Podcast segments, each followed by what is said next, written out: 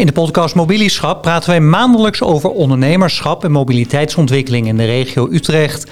Ik ben Robert van den Heuvel en vandaag ga ik in gesprek over Revolt laadoplossingen. Dit bedrijf houdt zich bezig met laadoplossingen voor bedrijven. Wat doet dit voor je bedrijf en hoe makkelijk is de overstap te realiseren? Over de problemen en de oplossingen praten we in deze podcast bij. Ik ga daarvoor in gesprek met een van de Revolt founders, Jeroen van der Ven en ook Peter Jansen van Muntstad uit Utrecht. Welkom Jeroen en uh, welkom ook uh, Peter Jansen van Muntstad. Dankjewel. Dankjewel. Ja, Revolt heeft de oplossing voor een probleem, las ik op jullie website. Nou, dat lees ik natuurlijk altijd graag verder. Als bedrijf uh, wil ik bijvoorbeeld voorzien in laadpalen voor mijn medewerkers, om bijvoorbeeld elektrisch te gaan rijden. En dan kom je uit in een weerwar van regels, mogelijkheden en ook wel weer oplossingen.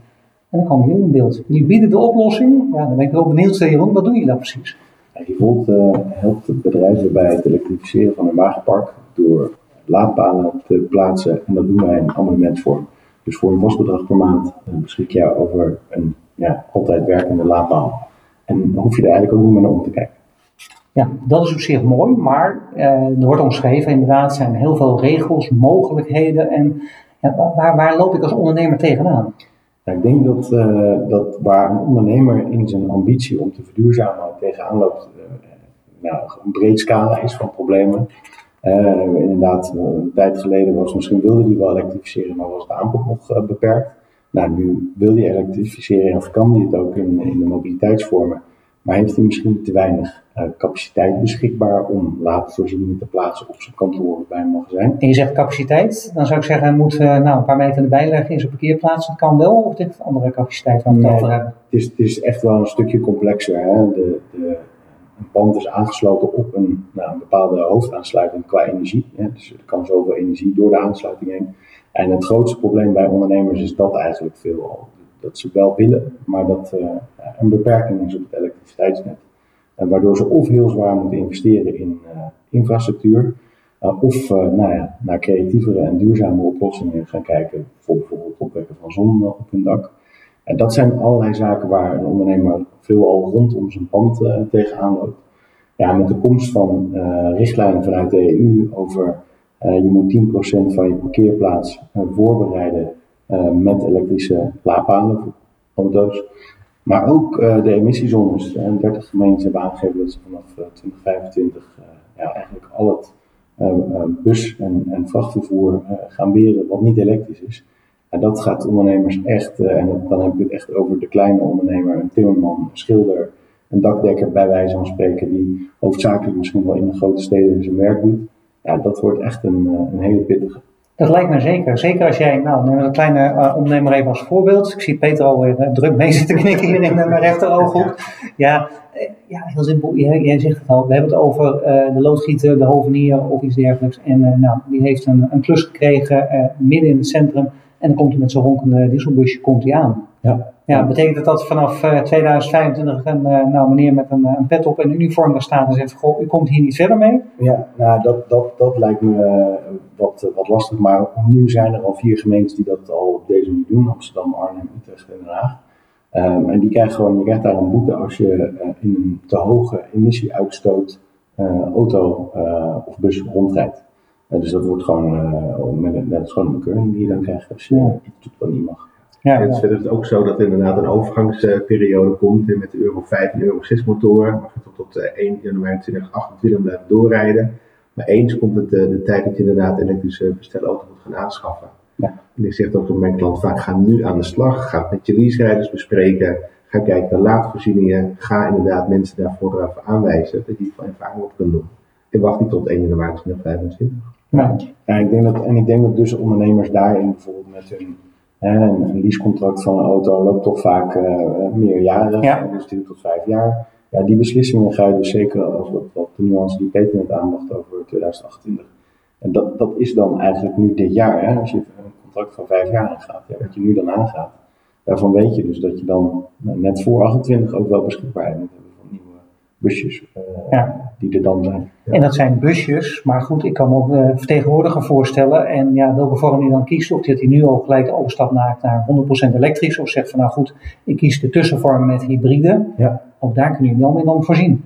Ja, zeker. Kijk, uh, ik, ik Het is, uh, je helpt een ondernemer bij de transitie. En een transitie die gaat niet over één nacht ijs. Dus een, een, ondernemer begint ergens. Het kan zijn dat het vanuit beleid komt dat er gekozen wordt voor volledig elektrisch. Maar met actieradius uh, voor, ik noem maar wat, accountmanagers die gewoon het hele land door moeten rijden. En dat is leuk.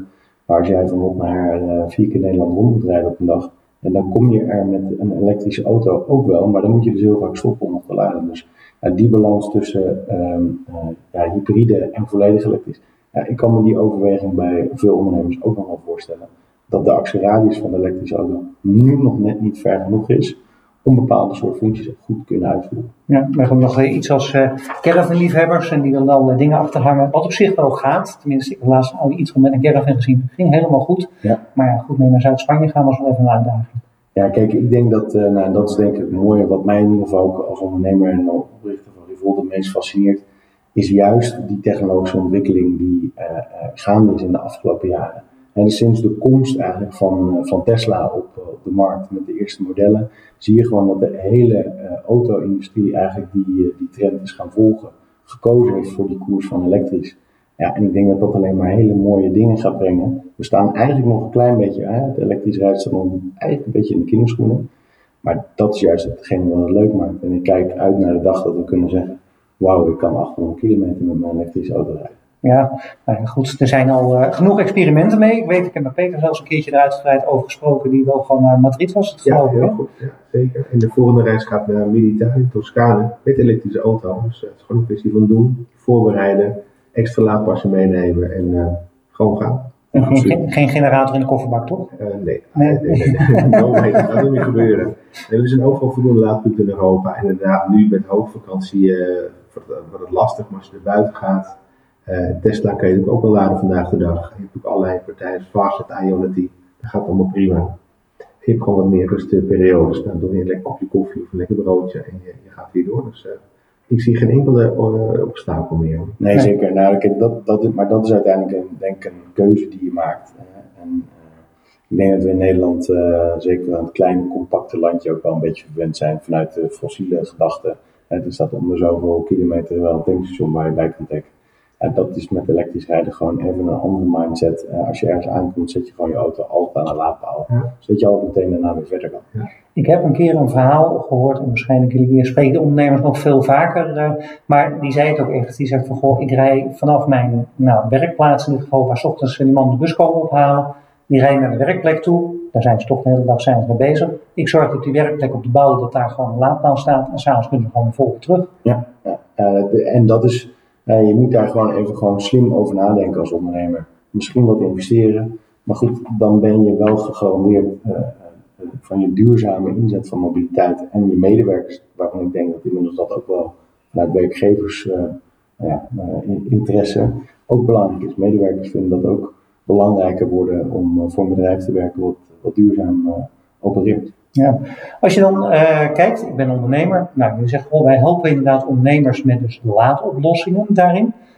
Hoe moet ik me dat voorstellen? Het is een soort abonnementsvorm, gaf eventjes aan. Daar komen we straks nog even op terug. Ja. Maar ja, ik ben met name op zoek naar van, oké, okay, nou ben ik een ondernemer. En eigenlijk, ja, ik heb een beetje een moment, help me, waar moet ik naartoe? Ja, nou, in, in eerste instantie wilden we dit model eigenlijk neerzetten als heel recht toe recht aan. Uh, jij hebt een elektrische auto of meerdere daar heb je laadvoorzieningen voor nodig op jouw uh, parkeerplaats. Daarbij helpen we je door ja. de paal te leveren, te plaatsen, te installeren. En vervolgens het hele beheer en onderhoud eigenlijk uit handen te nemen. En dan moet ik me voorstellen, je hebt een draadje en die komt uit de grond. Jullie zorgen ervoor dat daar een laadpaal op komt en dat wat werkt. Ja, wij, wij kwamen erachter in 2020 dat uh, eigenlijk bijna alle vastgoedpanden um, beheerd worden vaak door een eigenaar of door een vastgoedbeheerpartij die vaak een eigen huisinstallateur hebben. Nou, dat betekent dat ze daarmee gewend zijn om samen te werken. Dus wij hebben eigenlijk gezegd, wij leveren uh, de paal en de bekabeling, et cetera. Dat mag dan de uh, huurder of de eigenaar van het pand zelf regelen. Krijg je er geen last van? Noem het twee uh, kapiteins op één schip? Nou, nee, als je, de, als je de instructie goed geeft, dan gaat dat eigenlijk prima. Maar wat wij wel gaandeweg in de afgelopen twee jaar gemerkt hebben, is dat we de kwaliteit van onze dienstverlening eigenlijk maximaal tot z'n recht doen als wij wel in het gehele proces ook de regie blijven voeren. Dus we hebben nu eigenlijk twee landelijk dekkende partners, uh, waarvan Unica de bekendste is, die ons helpen uh, eigenlijk met die klant in eerste instantie goed te voorzien van een heel goed advies, technisch advies. Wat kan er, uh, wat wil je wat kan er. Uh, en vervolgens gaan we dan naar realisatie toe. En het leuke eigenlijk van ons model is, wij, wij kijken heel erg naar de bezettingsgraad. Dus de data van hoeveel laadtransacties er een dag zijn, bepaalt eigenlijk of wij zeggen of er wel of meer, meer of minder laadpalen nodig zijn. Dus op het moment dat een klant zegt, ik heb 10 laadpalen nodig, dan gaan we eerst kijken hoe groot is dat wagenpark, hoeveel parkeerplekken heb je, hoeveel beschikbaar vermogen heb je nog vrij. Dat zijn allemaal dingen aan de voorkant waar wij over nadenken voor de klant en hem daar dan uiteindelijk ook uh, goed in adviseren. Ja, je geeft het inderdaad al aan. En ja, dat snap ik ook wel. Dat je zegt, goh, nou, ik heb een, uh, zoveel medewerkers, ik heb 40 auto's. En daar kan je een sommetje op loslaten en dan hebben ze 10 laadpalen nodig. Ja. Maar ja, die mensen moeten allemaal op maandagochtend is al de wekelijkse uh, week start-up. Dus die zijn er allemaal maandagochtend. En dan staan al keurig niks in leaseauto's daar. Iedereen wil gaan laden. Maar je hebt maar 10 palen. Hoe doe je dat dan? Ja, dat is denk ik uh, dat is een de grootste uitdagingen waar bedrijven nu tegenaan lopen. Hè. Misschien kun je niet meer plaatsen dan 10 dubbele palen. Dus dat je voor 20 uh, auto's plek, maar je hebt 40 elektrische auto's. Nou, één los van dat de technologie dit probleem uiteindelijk gaat oplossen, zover is het nu nog niet. Uh, nu zie je veelal uh, helaas WhatsApp-groepen van uh, kun jij je auto weghalen en, en mag ik dan? Ehm, ik denk uiteindelijk dat dit gaat heel erg over menselijk gedrag. Dus hoe ga je je medewerkers stimuleren om collegiaal te zijn eigenlijk? Ja, je hebt altijd die collega, ja, we kennen het allemaal, ja. maar die zet hem s ochtends neer en s'avonds gaat hij naar huis en heeft de hele dag straks te laden. Exact, en waarschijnlijk was hij binnen een uurtje vol. Ja. ja dus de, en, en dat gedrag, en daar zijn wij wel over nadenken hoe je met een app eigenlijk uh, dat gedrag kan gaan veranderen en gaan stimuleren om nou ja, uh, iets collegialer te zijn. Maar in de basis zou je moeten zeggen, de techniek gaat dat uiteindelijk uh, verhelpen door ja, het vermogen bijvoorbeeld te verdelen. Dus dan ga je nog meer palen plaatsen, maar dan wordt de laadsnelheid gewoon veel trager per paal. En dat, zou, dat is een technische oplossing. Nou ja, je geeft al aan, groepsapps, uh, kalender. Ik kan me ook voorstellen dat HR daar een bepaalde rol in gaat spelen. Denken jullie er zelf over na? Je noemde net al eventjes een app uh, daarin waar bepaalde dingen kunnen regelen. Maar juist om die klant, als je hem wil ontzorgen naast het leven van de paal, dat daar ook oplossingen voor komen. Ja, ik denk, ik denk wel dat het uh, te maken heeft met de gefaseerdheid van die transitie waar ik het uh, eigenlijk net ook al had. Een ondernemer die nu begint aan die transitie, die zal niet in de komende vier, vijf jaar tegen dat probleem aanlopen. Die zal eerst een deel van zijn wagenpark gaan verlektrificeren. Ja. En daarna dan loopt hij tegen dit soort beperkingen op van zijn aansluiting of uh, medewerkers die niet willen bewegen. Um, ik, ik, wij zien nu vooral het startpunt van de massa die gaat beginnen aan die transitie. Ja, die willen we eigenlijk nu gaan helpen. En along the way met, met hun meegroeien in ook de technologische oplossingen die daarvoor nodig zijn. En een app is daar een vorm van. Ja, precies. En dan zijn er waarschijnlijk wel heel veel andere dingen nog. En uh, uiteindelijk is het ook gewoon een beetje menselijk. Hè? Absoluut. En, uh, als we een uurtje moeten laden, laten we ook over een uurtje lopen even naar buiten toe. Dus ik laatst een uh, mooie draaischijf en die ook gebruikt voor het parkeren met, een, met zo'n schijf, zeg maar. Ik zeg, nou, ik Pietje, dit is mijn telefoonnummer. Ik ga nu laden over drie, ik ben klaar. Bel me even, haal mijn auto weg. Dus dat gaat ook weer over houding en gedrag. Ja, wel, wel mooi is dat, hè? Ja. We hebben het daar over, met Jeroen over een uh, digitale app. Ja. Beter komt gewoon met oude parkeerschijven aan. Ja. In de meeste uh, kleinere dorpen buiten de Randstad uh, werkt die parkeerschijf prima. Ja. Dus die gaat er zeker op. Nee, maar het is ook een van de voor, voorbeelden waar we even mee bezig zijn, is ook dynamische tarivering. Hè? Dus het kan zijn dat bepaalde momenten op een dag heel druk zijn. Uh, en je dus daarom juist wil dat er misschien niet te veel mensen tegelijkertijd laden. Of juist wel, als je in een hotel bent, zeg je ja, het is piekuur en jullie komen hier, ja. super gezellig. Maar nu betaal je wel het hoofdtarief. Ja, en dat maakt straks het laden transparanter, want dat is ook nog wel een ding, laden van LAPA. Maar dit, dit gaat helpen in het, uh, ook in het sturen van gedrag van, uh, van de EV-gebruiker. Ja. We praten straks nog... Tesla doet, die heeft inderdaad ook piekuren, dan betaal je meer voor een kilowattuur. En die heeft ook gezegd, als je auto vol is, als je dan laat staan, dan ga je weer een boetebedrag betalen. Dus uiteindelijk is dat ook weer een vorm om te zeggen, van, haal je auto weg die vol is. Ja. Dus dat Ja. is weer een mooie prijsgedreven oplossing. Ja. En, en waar Tesla, en ik heb ook al gemeentes langs de kust gehoord, die zeggen we gaan, hè, je, krijgt, je, krijgt, uh, je betaalt extra parkeergeld als je uh, blijft staan, als je al vol bent. Ja, dat vind ik een beetje uh, straffen. eh, waar- Zo voelt het. ja, waar ik altijd meer voorstander van ben, is om, om gedrag positief te belonen, omdat dat vaak, nou, als, het, als er een financiële prikkel achter zit, eh, de volgende keer ga ik, laat je het eerste uur gratis, dat soort zaken, dat, dat zal veel meer effect sorteren. Niet bij een werkgever op kantoor, want ja, daar betaalt de baas toch wel. maar juist in het gedrag naar collegialiteit. Misschien kan je punten sparen voor een weekend weg naar Antwerpen. Ik, ik noem maar wat. Ja. Dat gaat allemaal uiteindelijk helpen. En daar heb je dan uiteindelijk ook een HR voor nodig om dat geregeld te krijgen. Ja, er zijn natuurlijk zat redenen waarom het allemaal niet kan aan de andere kant. We weten ook allemaal wel weer waardoor het wel kan. Je noemde het eventjes, uh, jullie uh, bieden laadoplossingen aan met een abonnementsvorm. Dus uh, ik betaal gewoon een maandbedrag, nou net als op, nou ja, weet ik veel, welk magazine of wat dan ook, waar we een abonnementje op hebben als je telefoon. Ja. En jullie regelen alles voor, is dat de enige vorm? Ja, nou je kan ook bij ons de laadpaal eventueel kopen. Ehm, we zijn eigenlijk daar een beetje op tegen, we, althans we promoten het kopen van de laadpaal niet. Dat heeft eigenlijk twee redenen. De belangrijkste is de duurzaamheid wij vinden dat de beziteconomie zijn langste tijd wel gehad heeft en dat het zou moeten gaan naar een gebruikerseconomie. Um, en vanuit dat oogpunt denken wij ook dat investeren in technologie die nog redelijk hard in ontwikkeling is, dat dat ook gewoon een beetje een gekke ondernemerskeuze is. Dus je investeert in iets waarvan je eigenlijk kan verwachten dat je over drie of vier jaar, misschien vijf jaar, alweer nieuwe technologie hebt die dan relevanter is voor jou en je wagenpark en je dan dus weer opnieuw moet ja, dus dat is inderdaad van de reden om voor die abonnementsvorm te kiezen. Nou, uh, ja, ik zag hier voor het pand al staan. Hier in dit pand bij Revolt uh, staan ook een heel aantal mooie laadpalen. Ja. Wat mij opviel, tenminste, voor zover ik verstand van laadpalen, maar jullie hebben gekozen voor een ja, aluminium of een soort metalen behuizing. Ja. Terwijl ik ook heel veel kunststof daarin zie. Is dat een bewuste keuze geweest? Ja, we hebben heel uh, specifiek voor een, een Nederlandse producent gekozen die RVS behuizingen maakt van onze laadpalen. Ehm, dat, dat heeft te maken met letterlijk het duurzame karakter daarvan. Uh, onze One, de Revolt One, dat is onze standaard dubbele laadpaal. Uh, die is helemaal ja, strak design uh, laadpaal. In feite zouden wij daar over vijf jaar letterlijk de technologie uit kunnen halen en er weer nieuwe in kunnen stoppen zonder dat we de behuizing per se hoeven te vervangen. Dus we weten dat dit materiaal gewoon vele jaren meegaat. We kunnen, kunnen het goed onderhouden, het is goed te behandelen. Uh, ja, en dan weten we zeker dat nou ja, de, de producenten die veel met kunststof uh, werken, en daar zie je gewoon veel meer slijtage en ook de weerslag van natuur in terug. En dat wisten we eigenlijk voordat we gingen beginnen. En dat willen we in ieder geval niet. van die verkleurde of ja, vergroende laadpalen. ja, dat kennen we inderdaad. Ja, Zeker. Ja. Nou, is natuurlijk zo'n laadpaal, jij hebt gekozen dan voor een abonnementsvorm, wat ik op zich wel heel mooi vind, dat je ook zegt, goh, dat kunnen we doorontwikkelen zie dan toch nog wel een drempel bij ondernemers die zeggen van ja, goh, het is toch even een investering. Nou, ik begin dus met één laadpaaltje, want uh, nou, ik heb één iemand en uh, de rest komt wel eens eventjes. Hoe, hoe gaan ondernemers daarmee om? Ja, eh, als ik je vraag goed begrijp, is het een beetje de drempel of ze wel of niet al meteen moeten beginnen? Nou ja, het is, het is inderdaad van, goh, moeten ze beginnen?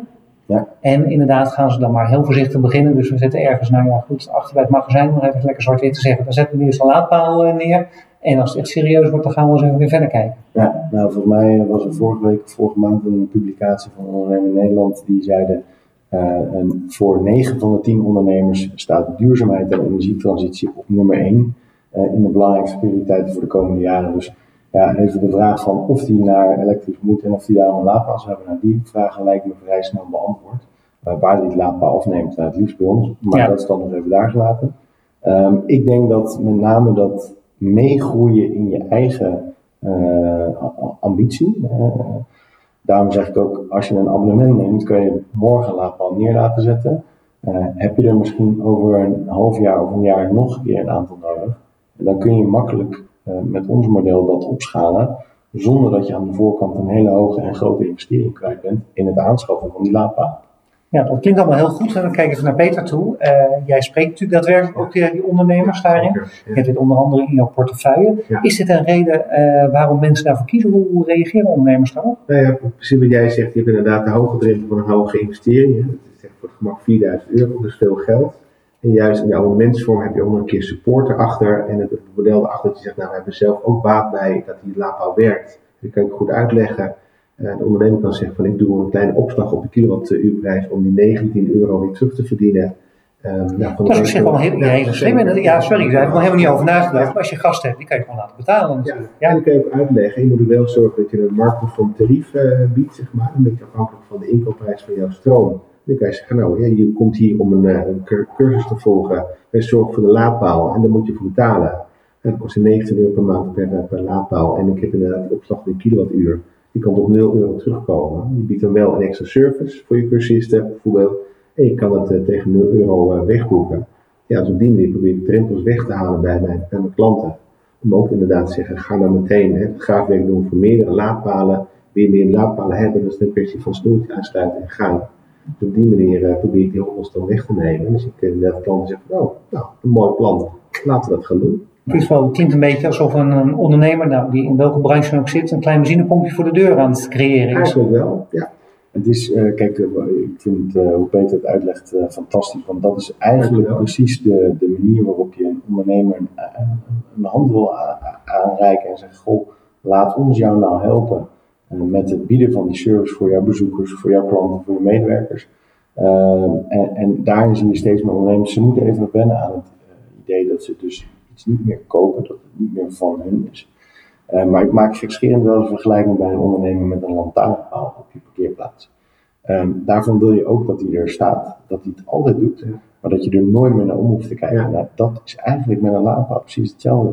Hij moet, hij moet gewoon werken en hij moet het doen. En als je er dan uiteindelijk nog een bepaalde opslag voor kan rekenen voor bijvoorbeeld gasten, dan, dan, dan is volgens mij 1 plus 1 3. Ja, ja dat, dat, klinkt allemaal heel mooi. Nou ben ik wel even benieuwd. Uh, ja, nou kom ik wel eens bij laadpalen. Dus ik heb zelf al een tijdje elektrisch uh, daarin uh, gereden. Die laadpaal doet het niet. Krijg je dan, krijg je dan automatisch een melding, laadpaal, nou X, Y, Z, doet het vandaag niet? Ja, nou, melding, hij doet het niet. gelukkig hoeft dat niet, want wij, kijken eigenlijk real-time naar een permanent dashboard. Waarin die laadpalen zichtbaar zijn als er daar eentje op rood springt of op grijs. En dat betekent dat hij storing heeft of online is of offline is. Uh, ja, dan acteren wij daarmee meteen. 9 van de 10 problemen kun je eigenlijk heel goed remote oplossen. Dus hoeft helemaal geen service monteur of iets dergelijks langs te komen. Uh, bij ons in het model zit inderdaad, werkt het zo dat we een vast bedrag per maand hebben en een variabel opslag op het kilowattuurmodel.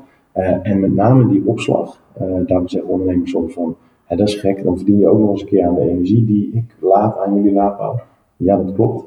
Maar de 49 euro keer 60, dat dekt niet de investering van de laadpaal en de investering van de installatie die wij doen en het service en het onderhoud. Um, en dat variabele tarief is eigenlijk voor ons een financiële prikkel om te zorgen dat we altijd naar de dashboardprijs kijken of die laadpaal het wel doet of niet. Want daardoor, op het moment dat hij het niet doet, verdienen we onze investering terug. Dat is wel een hele slim inderdaad. En een prikkel aan beide kanten. En ik vind ook voor ondernemer, nou ja, dan sta ik daar dus medewerker, dan moet ik weer naar binnen toe. Ik moet weer, ik wil noem het, uh, facilitair gaan bellen of uh, HR of wie er dan ook over gaat. Die moet bijvoorbeeld weer een mailtje gaan sturen en dat is wel een heel proces. Nou, wat, wat mijn grootste verbazing denk ik in de afgelopen twee jaar uh, dat, dat we Revolt zijn begonnen, is opgevallen is dat heel veel ondernemers die al een laadpaal of meerdere laadpalen hadden, tegen mij zeggen, Jeroen, ik ben het gedoe meer dan zat. Ja. En, en, en dat kan van medewerkers zijn of van gasten en klanten die voor langskomen. Maar als je een laadpaal koopt, heel veel mensen hebben de kennis er niet van, van wat moet ik nou doen, wat moet ik er allemaal bijnemen. En uh, als je een laadpaal hebt laten installeren, bijvoorbeeld door je installateur, ja, er zit misschien helemaal geen service- en onderhoudscontract aan vast. Dus als die het een keer niet doet, dan moet je weer een monteur laten komen, uh, voorrijkosten betalen. En daardoor wordt die laadpaal opeens echt wel een heel stuk duurder dan ja, in dat servicemodel zoals wij dat leggen. Ja, ik kan me voorstellen hoor, medewerkers die op een gegeven moment, oh goh, nee, die laadpaal maar niet, doen het toch altijd niet. Ja. En we gaan met z'n allen weer naar die andere toe en we zeggen lekker niks. Ja, dat zou, dat zou ook ja, ja, nee. uh, ja, ik liep hier door de gang van uh, en daar zag ik uh, twee hele mooie lijstjes staan met erin shirts van de KNVB. En ik zei tegen een collega van, goh, wat doet dat hier? Het ziet er leuk uit, maar ik begrijp dat de KNVB klant is. Is dat gekomen? Nou, dat is eigenlijk op een hele leuke en bijzondere manier door onze, onder andere relatie met Volkswagen Bedrijfswagens, zijn we met de KVB ook in gesprek geraakt van goh, jullie als KVB hebben duurzaamheid en het verduurzamen van de voetbalclubs heel hoog in het vaandel en die ambitie ligt best wel hoog bij de KVB. en toen kwamen we eigenlijk al in gesprek over hoe kunnen we nou die clubs gaan helpen in het verder verduurzamen van, van de clubs, zodat ze ook aan voetballers en leden die daar komen een laadvoorziening kunnen, kunnen bieden. En daar is uiteindelijk een, een partnership uitgekomen, uh, waar wij dus de KVB, de 1700 clubs die lid zijn van de, van de groene club van de KVB, gaan helpen bij het verduurzamen van, van de club. En dat gaat dan over nu nog laadvoorzieningen, maar dat zou ook nou, over energiecontracten of zonne-energie kunnen gaan, die dat dan weer met andere partners geregeld doen. En dat is het mooie van deze samenwerking met de KNSB. En daar komt dan ook uit dat we bij de campus straks ook daar laadpalen gaan doen. Ja, dus het is eigenlijk een, soort totaalconcept wat je dan dus biedt. En nou ja, als ik dan zelf nog hoorde, ik zelf nog energie voor clubs gaat regelen. Ik denk dat die met uh, open armen jullie staan uh, te, ja, op te wachten. Nou, het belangrijkste punt is dat, en dat, dat, was mijn grootste schrik en verbazing eigenlijk. Het gaat eigenlijk helemaal niet zo goed met de Nederlandse sportclubs, financieel gezien. En dus bij sommigen gaat het heel, heel goed, maar over het algemeen hebben veel clubs het financieel best wel ingewikkeld en moeilijk. Nou, dat, dat is een van de dingen waarmee je dus, nou wat Peter net eigenlijk mooi uitlegt over die laadpaal, waar je dus uh, iets aan kan verdienen voor, uh, voor zo'n club. Dat, uh, het zullen geen duizenden euro's zijn, maar dat, gaan wel, dat zullen wel kleine inkomsten zijn. Waar zij uiteindelijk als club weer kunnen investeren in materialen voor de jeugd of andere voorzieningen van de club. Maar goed, even los van het model. Kijk, ik kan me ook voorstellen, ik ben voetbalclub. En op zaterdag komen al die leden komen daar. Ja, ik moet toch iets met die laadpalen gaan doen. Of ja. misschien dat de gemeente het zelfs wel eist. Nou, dat, dat, dat is denk ik het grote dilemma wat, waar clubs ook tegenaan lopen. Ik denk dat uh, de clubs vaak wel willen. Uh, alleen uh, nou, dat het tempo van, van gemeentes nog wel wat achter ligt op de ambitie van de voetbalclubs. En hoe ga je daarmee om dan? nou ja, onder andere door met gemeentes ook in gesprek te gaan. Dat doen de clubs wel zelf. dat kunnen wij niet namens de club doen. Um, maar ja, we kunnen die clubs wel helpen. We hebben inmiddels bij een aantal voetbalclubs staan onze laadpalen ook. Dus die ervaringen van en met gemeentes en met toestemming uh, kunnen we ook delen. Dus daar kunnen de clubs dan weer wel verder mee. Um, maar het belangrijkste is denk ik vooral uh, inderdaad iets, iets aan de club kunnen bieden, waardoor zij inderdaad hun eigen leden of de bezoekers die daar komen voetballen in het weekend of trainen door de week s'avonds, dat ze daar een, een faciliteit voor hebben. Ja, precies. En uiteindelijk uh, gaat de gemeente daar natuurlijk denk ik vanzelf wel in mee. Het zal misschien even lobbywerk zijn, maar goed. Uh, ja, gaan we eens eventjes uh, naar de toekomst. En ja, een laatst plein, dat kost natuurlijk ook al wat stroom. Nou, je hebt nu even zo verteld van goh, daar helpen we partijen natuurlijk wel mee. Oké, het installatiewerk. Maar ik kan me voorstellen dat er een hele kans ligt voor, voor zonnepanelen of iets dergelijks. Ga, is dat ook iets wat een toekomstig businessmodel zou kunnen zijn? Nou, waar wij uh, uh, altijd de ambitie hebben, uh, Rutger en ik uitgesproken aan elkaar, Rutger mijn compagnon waarmee ik Rivol ben begonnen, um, is je, je, kan wel alleen laadpalen leveren, maar at the end weet je al dat iedereen tegen het probleem beschikbaar vermogen of voldoende capaciteit ja. aan gaat lopen. Dus je zult in, in uiteindelijk een ecosysteem van een totaaloplossing moeten neerzetten waarbij je zowel aan de laad als aan de energieoplossing gaat helpen. Dus dan moet je denken aan waar uh, te weinig capaciteit is inderdaad aan zonnepanelen op het dak. Of carports met zonnepanelen. Uh, die op de momenten dat de zon schijnt dan kan uh, terugleveren direct aan de auto. Waardoor je eigenlijk als bedrijf of als sportclub, en nog even in, in de KNVB-sfeer te blijven, ook kan zorgen dat je meer zelfvoorzienend wordt. En ik denk dat dat het sleutelwoord gaat zijn voor de komende 10, 15 jaar. Dat bedrijven meer zelfvoorzienend gaan zijn uh, op basis van nou wat ze zelf kunnen realiseren bij hun pand, dan dat ze gaan zitten wachten op wat uh, nou de netbeheerders uh, kunnen leveren. Want de vraag is denk ik te groot om, nou ja, die, die, die, de vraag van ondernemers is te groot en, en netbeheerders kunnen dat tempo niet aan. Nee, ja, je geeft al aan inderdaad, zelfvoorzienend te zijn. Dat betekent dus ook uh, dat je moet gaan nadenken over batterijen. Uh, nou ja, goed, allerlei oplossingen daarvoor. Ja, ja, kijk, de, de, uh, die, bij die, uh, wat ik net zei, het sleutelwoord, uh, heb je uiteindelijk ook een batterij nodig om gelijktijdigheid van vraag en aanbod bij elkaar te brengen. Um, als je nu, het is nu lekker zonneweer, dan kan je meteen de zon naar de auto brengen. Maar bij een kantoor bijvoorbeeld, waar op zaterdag en zondag niemand is om die zon op te slaan, is dat een uitgelezen mogelijkheid om daar met een batterij dan de energie op te slaan en die misschien wel maandag en dinsdag weer te gebruiken voor het laden van. Want dan regent het natuurlijk, hè? In het weekend is het altijd zonnig, tenminste, dat willen we graag. ja, maar dat, dus de vraag en aanbod eh, bij elkaar brengen, dat, dat wordt een van de grootste uitdagingen. Uh, en daar gaat een batterij uiteindelijk een, een sleutelpositie in, uh, in verzorgen. Zowel bij bedrijven die te weinig capaciteit hebben of nog jaren zitten te wachten op een netverzwaring van, van de netbeheerder. En daar gaat een batterij helpen in, in die duurzame ambitie om die transitie bij een bedrijf te versnellen. Nou lees ik ook veel meer over bidirectioneel laden, of wel twee richtingen op. Uh, ja, er wordt zelfs geroepen van, goh, uh, s'avonds ga ik koken op mijn auto en s'nachts wordt hij weer volgeladen. Ja. Gaat dit bedrijf ook helpen, dat soort oplossingen? uiteindelijk wel. Ik, uh, ben, ben, zelf nog wel een klein beetje sceptisch over de, over de, de technologische volwassenheid van de bidirectionele ontwikkelingen. Ik denk dat het heel erg mooi is. Het enige is dat er nog wel een hele hoop beperkingen aan vastzitten. Uh, in de zin, zoals wat? Nou, een van de belangrijkste dingen met bidirectioneel laden is dat je uh, eigenlijk afgesloten, de huidige wetgeving nou, niet aangesloten mag zijn op, uh, op het net. Dus je moet een zelfvoorzienend ecosysteem hebben en dan kan je bidirectioneel laden zoveel als je wil. ik denk wel dat het een vorm van de oplossing gaat zijn.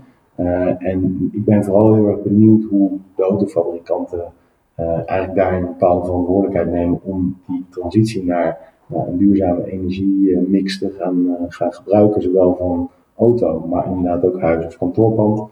En daar zul je die auto, dat zijn gewoon rondrijdende batterijpakketten. Ja. En die kun je perfect daarvoor inzetten.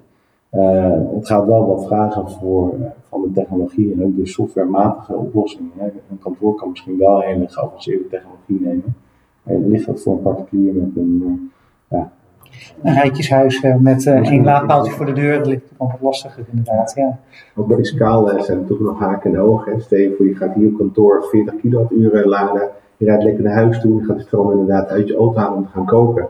De fiscus gaat zeggen van wacht eens even, je krijgt gratis stroom, dat gaan we ook weer belasten. Dus dat is net een andere haak. Zo, zover had ik nog niet gedacht, Peter. Maar ja, ja, ja, we hebben ooit bijtelling gekregen. Dus dan moet ik bijtelling oh. gaan betalen over de stroom die ik van mijn baas heb gekregen. Nee, dus ik, ik, dat zijn, nou, Peter noemt nu een heel tastbaar en concreet voorbeeld. En die zou ik inderdaad ook willen scharen onder uh, een beperking van die, die technologische revolutie. Hij gaat er wel komen. Maar ik denk dat er nog eerst wat stapjes bedacht moeten worden van hoe worden dat soort transacties afgewikkeld. Ja. Inderdaad, hoe ga je met de fiscaliteit om? Ja. ja. Ja. Laadpleinen, allerlei oplossingen daarvoor. Ja, jij noemde het al even, Peter zat mij in mijn ooghoek uh, een beetje te souffleren. Ik zag allerlei blaadjes voorbij komen. Het over de hub. Ja, ja. mag je zelf gewoon uh, nou, de bal in voor het doel. Precies, nou, ik moet even nog overnemen. Naast inderdaad het, de, het laadabonnement 19 euro per maand heeft uh, ook nog een keer de hub. Dat is een, um, uh, een mooi televisiescherm waar uh, advertenties, hun advertenties kunnen plaatsen. Er komt een bepaalde inkomstenstroom uit. Dus uiteindelijk kan je zeggen van, we hebben een bepaalde waarde. Aan de andere kant heb je een aantal advertentieinkomsten, dat je zelfs tot 0 euro kunnen gaan doen. Dus dat, dat is ook weer iets mooi iets dat je zegt van, en ik heb een plek om te kunnen adverteren. En de klant kan zelfs tot 0 euro of misschien eens op gaan verdienen. Wat ik verder begrepen is dat zelf media inkopen. Dus niet dat een bepaalde voorziene industrie daar gaat adverteren op andere zaken, zeg maar. Dus dat gaat ook weer helpen in je boodschap naar je klanten toe. En uiteindelijk gaat ook weer een 0 euro terug, zeg maar. Dus dat is een andere reden om te zeggen van, doe die laadpaal, doe de hub, zeg maar. En uiteindelijk kun je misschien voor 0 euro per maand uh, aanbieden. Ja, om even, even samen te vatten, de hub, ik zag hem toevallig hier buiten voor eh, de deur staan. Dat is een groot scherm, maar eigenlijk, ja, noem het heet dan Digital Out of Home, waar je dus mee kan adverteren uh, daarin. En ja, als je op een goede plek zit die natuurlijk opvalt, dan ben je daar dus extra zichtbaar mee. En ben je eigenlijk een soort kleine mini, uh, ja, media-exportant, een A3, ja, dat we willen gaan, gaan noemen daarin. Ja, hoe werkt dat dan voor ondernemers? Moeten die uh, nou hun relaties bellen, wil je bij mij voor de deur gaan adverteren? Of regelen jullie dat? Ja, dat zou eigenlijk wel mooi zijn als ze dat doen, want dan, bepaal, zijn ze ook nog wel op een bepaalde manier relevant voor hun eigen leveranciers of partners. Nee, het werkt eigenlijk zo. Um, een van de dingen die wij ontdekten uh, toen wij met Rivol begonnen was dat echt heel veel bedrijven weerstand hebben tegen die investering tegen een laadpaal. En om een, een goed voorbeeld te noemen, hotels. Een hotel heeft als core business mensen, gasvrijheid, et cetera, ja. uh, fijn weekend bezorgen, een fijne vakantie bezorgen. Uh, het punt is, de investering in een laadpaal en een laadinfrastructuur is gewoon een kostbare aangelegenheid. Nou, en daar hebben we uiteindelijk een, een model ontwikkeld uh, waarbij we hebben gezegd, we gaan een laadpaal ontwikkelen die eigenlijk een additionele inkomstenstroom voor Revolt genereert. maar er juist voor zorgt dat we bij die ondernemer de laadvoorzieningen gewoon voor 0 euro neer kunnen zetten. Dus het is eigenlijk een model waarbij de ondernemer echt helemaal met gesloten portemonnee uh, uh, wel de service en uh, dienstverlening voor zijn gasten kan neerzetten. En wij eigenlijk op die locaties precies weten wat voor soort bezoeker er komt. En daar eigenlijk ook weer adverteerders bij selecteren die daar relevant zijn. En jullie verkopen die, ja, noem het, die advertentieplekken verkopen jullie zelf? Of heb je daar een mediapartij voor? Nee, die, die verkopen we zelf. Dus we hebben, nou, wij doen gewoon direct sales bij inderdaad mediabureaus, maar ook de adverteerders. om je nu een goed voorbeeld te geven, Hotel Huisverdijn is een van onze eerste klanten. Daar staan uh, twee van die hubs en zes normale laadpalen, de, de Revolt One. Uh, en in de context van de bezoeker van Huisverduin, we weten allemaal of een soort type ja. hotel het is. Ja, daar bijvoorbeeld uh, vorig jaar heeft de Gazan daar het hele jaar gedraaid. we draaien een campagne van Amex Creditcard. En dat, dat, dat is de context van de bezoeker, dus die heeft ook een punt van herkenning. en dat is denk ik de relevantie die wij op dat soort locaties kunnen bieden.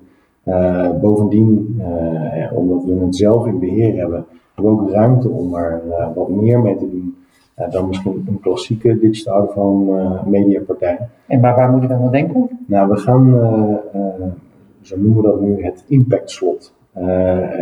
veel merken die adverteren en zichtbaar zijn op radio, televisie of op digital out-of-home, zijn vaak bedrijven die gewoon een diepe zak hebben met geld erin. Ja. Um, maar juist de kleine start-ups en scale-ups die nu iets goeds doen voor de wereld, hè, die echt het verschil maken, natuurhuisje, uh, zeepje, nou ik noem maar even een paar, misschien wat meer voor de consument bekendere, die hebben niet zo'n diepe portemonnee en die willen we straks eigenlijk voor een gereduceerd tarief, echt een, bijna start-up tarief, uh, de plek bieden om juist hun duurzame boodschap uh, in de duurzame context van elektrisch laden zichtbaar te maken op de parkeerplaatsen van onze klanten. Dat klinkt wel heel nobel als ik het zo hoor. het, is een, het, het, is nobel, maar dit is eigenlijk die, die missie die wij uh, voor ogen staan om juist schone en betaalbare energie beschikbaar te maken voor duurzame mobiliteit. En die missie, als je die wil uh, volmaken, dan zul je op creatieve manieren moeten nadenken over hoe je je impact op de wereld zo groot mogelijk probeert te maken. Ja, nou, de impact uh, is groot met zo min mogelijke uitstoot. Gaan we naar de toekomst van Revolt toe? Nou, we zijn een jaar of vijf, zes verder. Waar staat Revolt dan? Nou, ik uh, hoop dat wij dan uh, een hele hoop bedrijven blij hebben kunnen maken met onze laden en zowel energieoplossingen. Dus het gaat ook over de meer geïntegreerde energieoplossingen van zowel het leveren van, van energie als wel het leveren van batterijen. Um, ik, eh, zonnepanelen, uh, daarvan verwacht ik eigenlijk niet dat we daar zelf in gaan, maar gewoon een selectie van hele gespecialiseerde partners hebben die dat nou, uh, net zo goed kunnen als dat wij laadpalen kunnen neerzetten en beheren. Um, ik, ik, hoop, en dat is meer ook een persoonlijke ambitie, um, dat we. Nederland is toch een van de koplopers in, in de transitie naar volledig elektrische rijden. Uh, en die ambitie uh, uh, die wij nu hebben is ook om dat in het buitenland te gaan doen. Dus we zijn nu al onze grootste, een van onze grootste wellnessklanten, International Wellness Resorts, van de eigenaar van de Veluwe en de Zwaluwen, waar onze laadpalen ook staan. En die zitten ook in het buitenland. Die zitten ook in Duitsland, zitten ook in België. Nou, zulke soort klanten kun je zo meteen al meteen helpen met, goh, jullie krijgen ook steeds meer bezoekers die elektrisch rijden. Kunnen jullie daar ook helpen? En daar denk ik over vijf jaar dat we dan in meerdere landen dan alleen Nederland actief zijn. Uh, en in Nederland uh, echt uh, de, de 10.000 laadpalen ruim zijn gepasseerd. Nou, dat vind ik een mooi uitgangspunt. Ja, daar kan ik maar één ding concluderen. Heel veel succes mee wensen. En als ik zo kijk en ik zie hier de mensen hoe enthousiast zijn, voor mij moet het helemaal gaan lukken. Ik heb er alle vertrouwen in geloof ik. Nou, voor mij Peter ook. Zeker. Ja, in de slag. Zeker. Dank Bedankt dat jullie hier waren. Superleuk.